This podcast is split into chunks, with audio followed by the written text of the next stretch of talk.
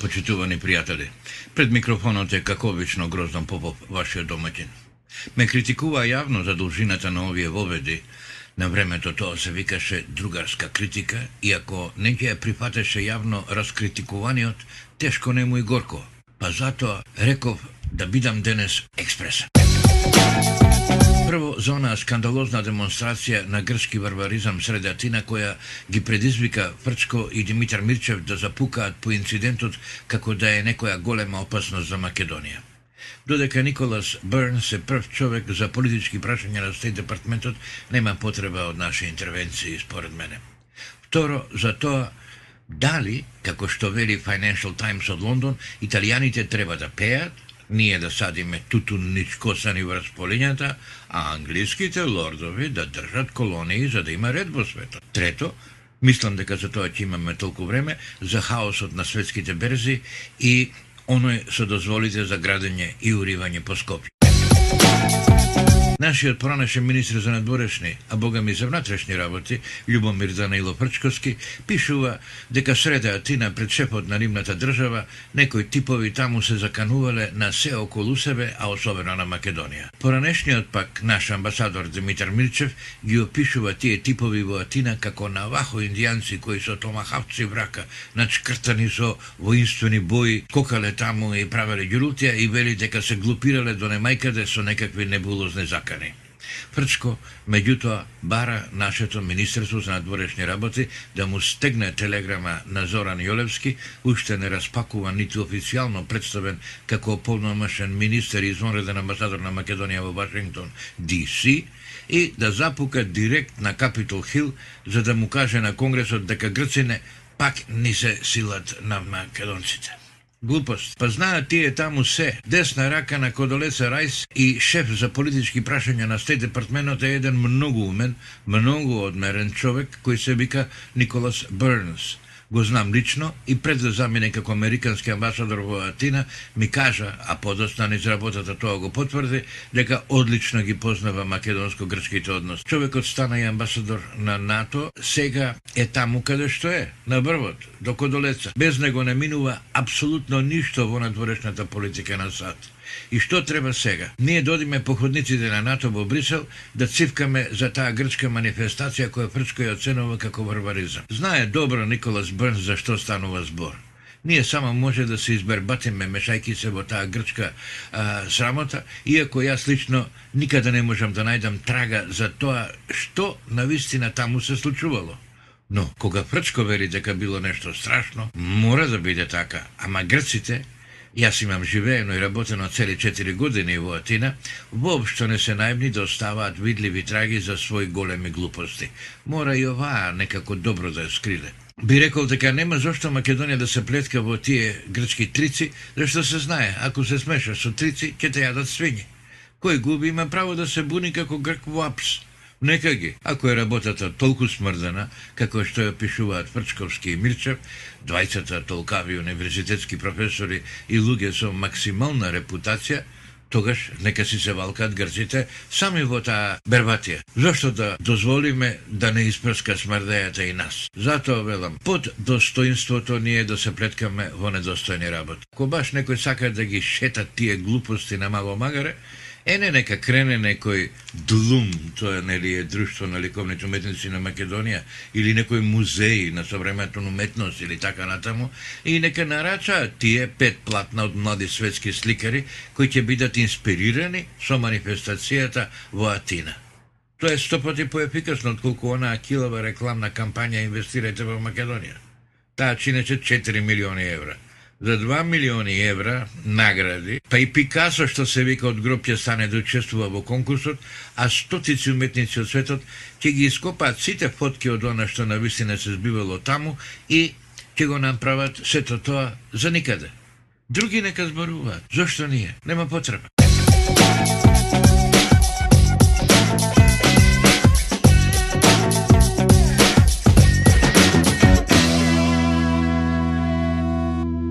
Во вториот прилог ќе предпоставам дека барем некој од вас го гледале фестивалот во Санремо.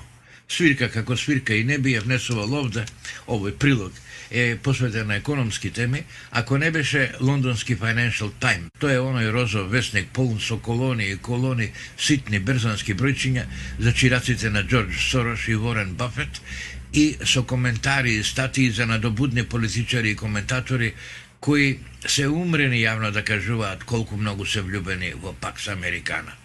Е, тој Financial Times зеде пред некој ден да им држи лекција на макаронджиите, мислам на италијаните, да? дека не треба да се клоцаат со атови, барајки постојано место во Советот за безбедност на Обединетите нации, затоа што тие нови места, кога и ако се делат, ќе бидат за велесили како Индија, Бразил, Германија, а не за Италија, која не е ниту за меѓу седумте најразвиени. Накусо, своите амбиции, секоја држава треба да ги темели на она за што неговиот народ го бива. Еве, италијаните може да пеат канцони на Санремо и аери од опери во Миланската скала, ама за имаат некаква улога во светските работи, тоа не. Да сум јас, проди, не би мржел на Стипе Месич и на оној Санандер околу навредите што му ги студија на председателот на Италија Наполетано. Која бакари Хрватска кога таа зависи од проди? Јас би му се свртел да сум проди, ама не сум. На Financial Times да го натерам да свати дека не може оние со пари па било чисти, па било бербатни, да тераат цели народи да пеат канцони или кондорови летови и да терат нации да копаат тутун или руди и се по такт на некој ноти што ги пишува господин мистер Твистер со неговиот банкарски корпач. Ама ајде бе молам. Ако италијаните треба да пеат и да се афирмираат со Сан Ремо, ние што? Френкио Банско и тутун од Прилеп? Па не може така. Мора веќе да се каже еднаш што е што, а еве што е што.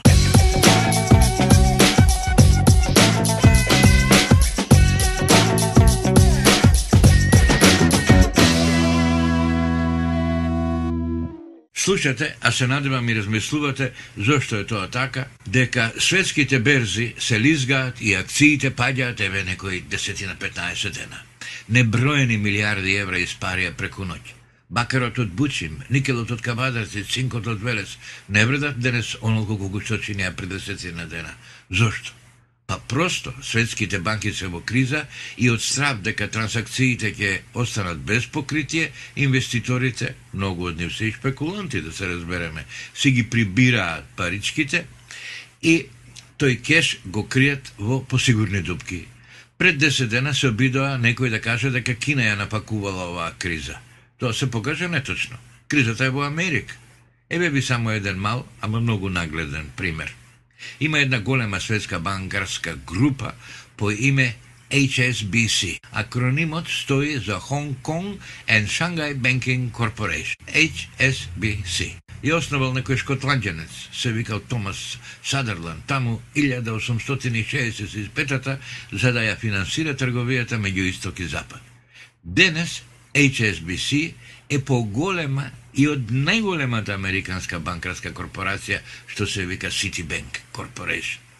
HSBC има капитал од 1 трилион и 760 милиарди долари. Е, и само со волку малку знаење доаѓа некако полесничко да му рече човек на влавот од прекувардар Аве Хари, алал ти вера.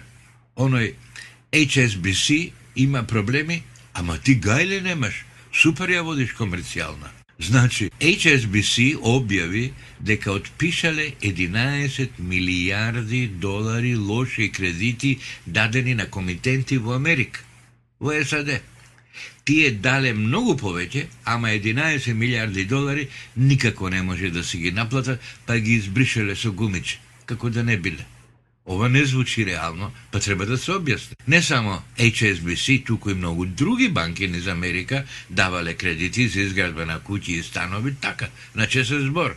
Само на лична карта што се бели и на жими мајка ќе отплаќам кредитот. Резонот на ваквата политика на банката и на други а, заемодавачки институции е дека не може човек тркалца да и тури на куќата и да си ја одблечка во Мексико или во Македонија. И така, во Соединетите Американски држави, градешништвото е во полн замав. Градењето куќи и станови е бизнес што врти ве молам, слушајте го ова внимателно, 8.000 милиарди долари годишно. Тоа се 8 трилиони долари. Тоа е осумка со 12 нули. Не се тоа само цигли и малтер. Има и air condition, и кабли, и електроника, и гаража со врати што се повлекуваат, што се палат на, на, на звук што се вели, телефонија, паркети, теписони, тапети, инсталации разноразни, бои, бела техника, мебел, текстил, знаете како е. Кога се куќе куќе има се. Накусо, целото стопанство на Америка работи турбо.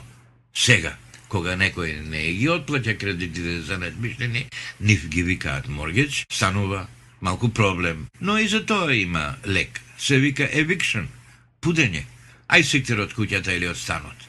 Тој на пудениот може на улица да остане или под кирија да отиде некаде, ама моргиджот нема кој да го отплаќа. Не еден човек, не илјадници, десетици илјади. Така банката доаѓа во црвено. Добро, зар не е осигурано сето тоа?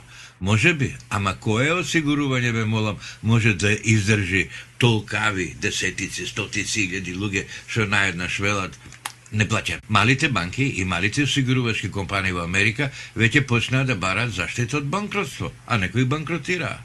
Гледаат умните луѓе што станува и проценуваат дека целото стопанство на Америка ќе го почувствува секнувањето на стамбената изградба. Акциите на New Century Finance трет најголем извор на стамбени кредити падна 60 насто за една недела од страв дека може да банкротира. Е, тоа, таквиот однос ги акна светските берзи, тоа ги лисна цените на металите, тоа не погаѓа и нас. Но, да се вратам на оние 11 милиарди долари што HSBC ги отпиша како лоши кредити. Од каде им бе толкави пари да ги отпишуваат? Сега ќе ви кажам. Од наразвиените. Не се смејте. Баш така. HSBC минатата година оствари 22 милиарди долари печал, профит од пласмани во земјите во развој и разне комерцијални сделки кај нив. Ова е повеќе од колку шиќаре. Печали од неразвиените, па плесни ги тие пари во Америка, а после отпише ги како да ги немало.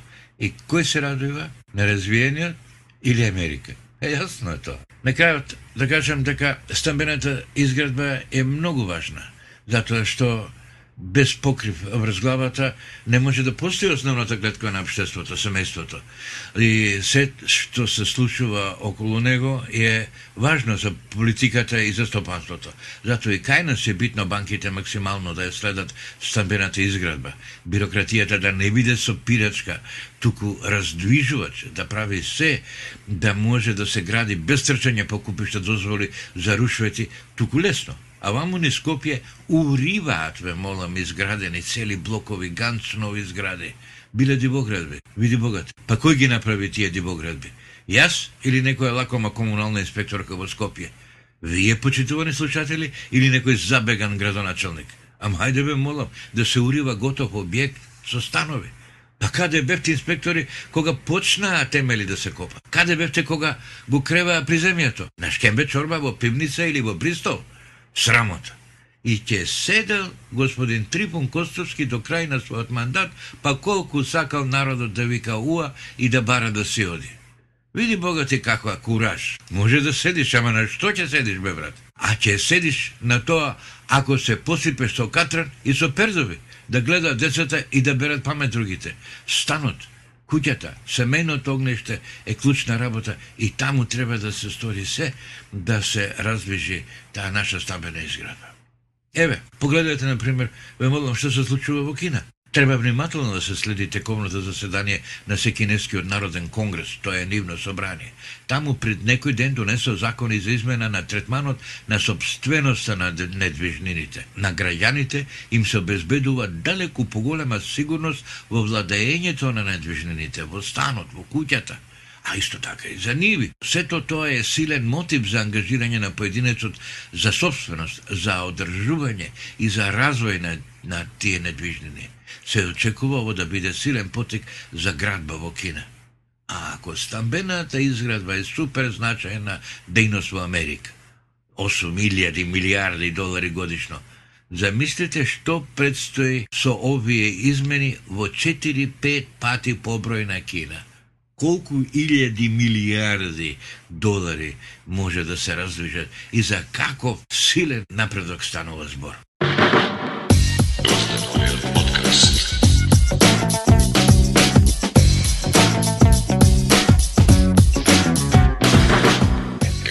Мислам дека останува уште малку време и би сакал да ви сообштам една интересна работа. Додека бев во Истанбул пред некој месец се испослучија некои светски настани. Дојде папата, да се помоли во джамија, па се отвори диалог меѓу цивилизациите, па Орхан Памук отиде по Нобелова награда, па дојде Бил Гейтс и меѓу другото се одржа светска конференција против алчноста и дебелењето. Ова последново ме скина. Особено кога дојде во Истанбул и кум ми Љубомир Дрнковски Жване и кој што прво на место здраво живо како си, кога ме виде, ми рече, куме, како изгледаш, овие заради тебе ја свикале конференцијата за прекомерно дебелење. Тоа ме попари тотално. Ме издиша храброста да влегувам во ноќните клубови. Сум бил како Тенк Шерман во цвеќарница. И така, едно враќање од Стамбул во Холандија се турив на диета. Не е ни тешко, спаноќ, праз, салата, тенко кравио сирење, жива риба, моркови, барен, карпиол. Тоа е ми е диетата. Нема врска со турската кујна. Како сакаш кара, донери, цревца што ги викаат кокорец, јагнешко во едно 500 варијанти, мусаки, капами, ширдени, топени блага, алви, сладоледи, знаете и самите. Ќе се направиш тркалце додека каеш кекс. А овде, во Холандијава, овде верувате ми на збор, холандската кујна, што да ви кажувам, холандската кујна, пријатели, тоа ви ми е просторија од 2 на 3 метри. Тоа е холандска кујна, нема ништо друго. И диетава, под прво, ми го уништи путерот или пубаво кравјето пресно масло. Маргарин има да се јаде. И тоа диетален маргарин, најголем светски произведувач и една од најголемите светски мултинационални компании изгора на тоа е англо-холандската корпорација Unilever – За неа станува збор. Черка ми, која оценила дека седејќи дома и движејќи се од работната соба до кујната може да се случи да не го издржам искушението на фрижидерот, кој заради внуците секогаш мора да е полн, ми се јави пред некој ден да ми каже дека нашле апчиња за противјадење. Некој си Стив Бейли, нема врска со оној сладокликер, или така некако налетал пред некоја година на некаков чуден кактус, што во пустињата Калахари, таму долу, кај Јужноафриканската република, го джвакале оние коска и кожа црнчиња кога ќе поаѓале на лов низ пустињата. Месото и сокот на кактусот, кој се вика Ходија гордонии, им создавало чувство на ситост, како да се прејадени и препиени, па така, без да Мислат на глад и жед, бркале ставрци и друг ситен дивечни спустињата, поминувајќи десетици, стотици километри без залак или голтка во устата. Фармацевтите од британската фирма Фитофарм пред 3-4 години дошле на идеја од кактусот да прават апчиња против алчност. Тоа убаво, ама некои цели две години не можеле да го отстранат грозно горчливиот вкус што го има кактусот во природата. Пред да ги порчат и последните паричиња на експериментирање, отишле кај унилевер да ги убедува дека тоа препаратот е точно за нив, дека тие од унилевер треба нешто и да сторат, да го куртулат човештото дебелење или како што се вика на англиски обесити. Обесити е порив да се крка и тоа како последица има таложење саво, па затнување на крвните садови, па разни болести и јасно умирачки. Во Унилевер се двумеле некој време, ма се нафатиле, затоа што сватиле дека нешто мора да сторат и тие, и фрлиле некоја пара да продолжи фитофарм со експериментите. Од пред некој време на пазарот во Холандијава, каде преовладуваат шланг фигури на еден раскошно здрав, а и убав, сексапилен женски свет, се појавија и апчиња од ходија гордони. Шисенце со 120 пилули и тоа не е веќе пелингорсливи, туку вкусни, сега се продава овде по аптеките и без рецепт за само 35 евра. И велам на керка ми дека би било подобро таа да земе да засади од тие кактусите. Моја Ирина е дипломирана агроном на Универзитетот Кирил и Методи од Скопје, зашто ќе ни треба и за мајке, а Бога ми и за неа и за други членови на причинокото семејство, не само за мене. Па така ќе зашпараме, наместо да даваме пари е, за пилучење, ќе си береме както спатем и Унилевер не испраќа работници да жнеат ходија гордони по пустињата Калахари, таму тој както сега е под строга контрола, не дава да се бере. исто како да е диамант во брегот на Намибија. Туку го одгледуваат низ Европа, на плантажи. И тоа ме донесе до една друга идеја. Зошто не земе Македонија да устрои неколку такви плантажи со кактусот Ходија гордони како основен производ? Ни леп јаде, ни вода пие. Ене го Мариово, не е баш Калахарија, ама дека не е далеко од пустиња, тоа е сигурно. Имавме ние во Алкалоид пред Сојузот на комунистите да му го стави аманет на првоборецот Тајче Мукаетов со семејството и вистински стручњаци кои се разбираа во цедење африкански растенија. Еден од нив беше и Митко Неделчев, прекрасен инженер-технолог кој требаше од некој корења во Заир да прави лекарства против кардиоваскуларни заболувања, ама се расипа работата заради оној Мобуту Сесе Секо, кој бараше постојано некои нови пари аванта или мити подкуп, па нашите не издржаа во тоа надавање. Ја вратија премата некаде кај Штип Ирџоса таму бадијала, а Митко Неделчев отиде на печалба во Канада. Но, Волку ќе биде доста за денес од ниските земји, каде Унилевер сега подготвува нови состојки со кои ќе го лаже наивниот човечки мозок дека телото му е ем најадено, ем напиено. Ако ништо друго, убаво звучи. Единствено што малку ме вознемирува една мисла на Вилијам Шекспир кој вели Нештата пријатни на вкус се покажуваат горчливи при варењето. Ова мислам дека беше доволно за денеска. Бидете поздравени.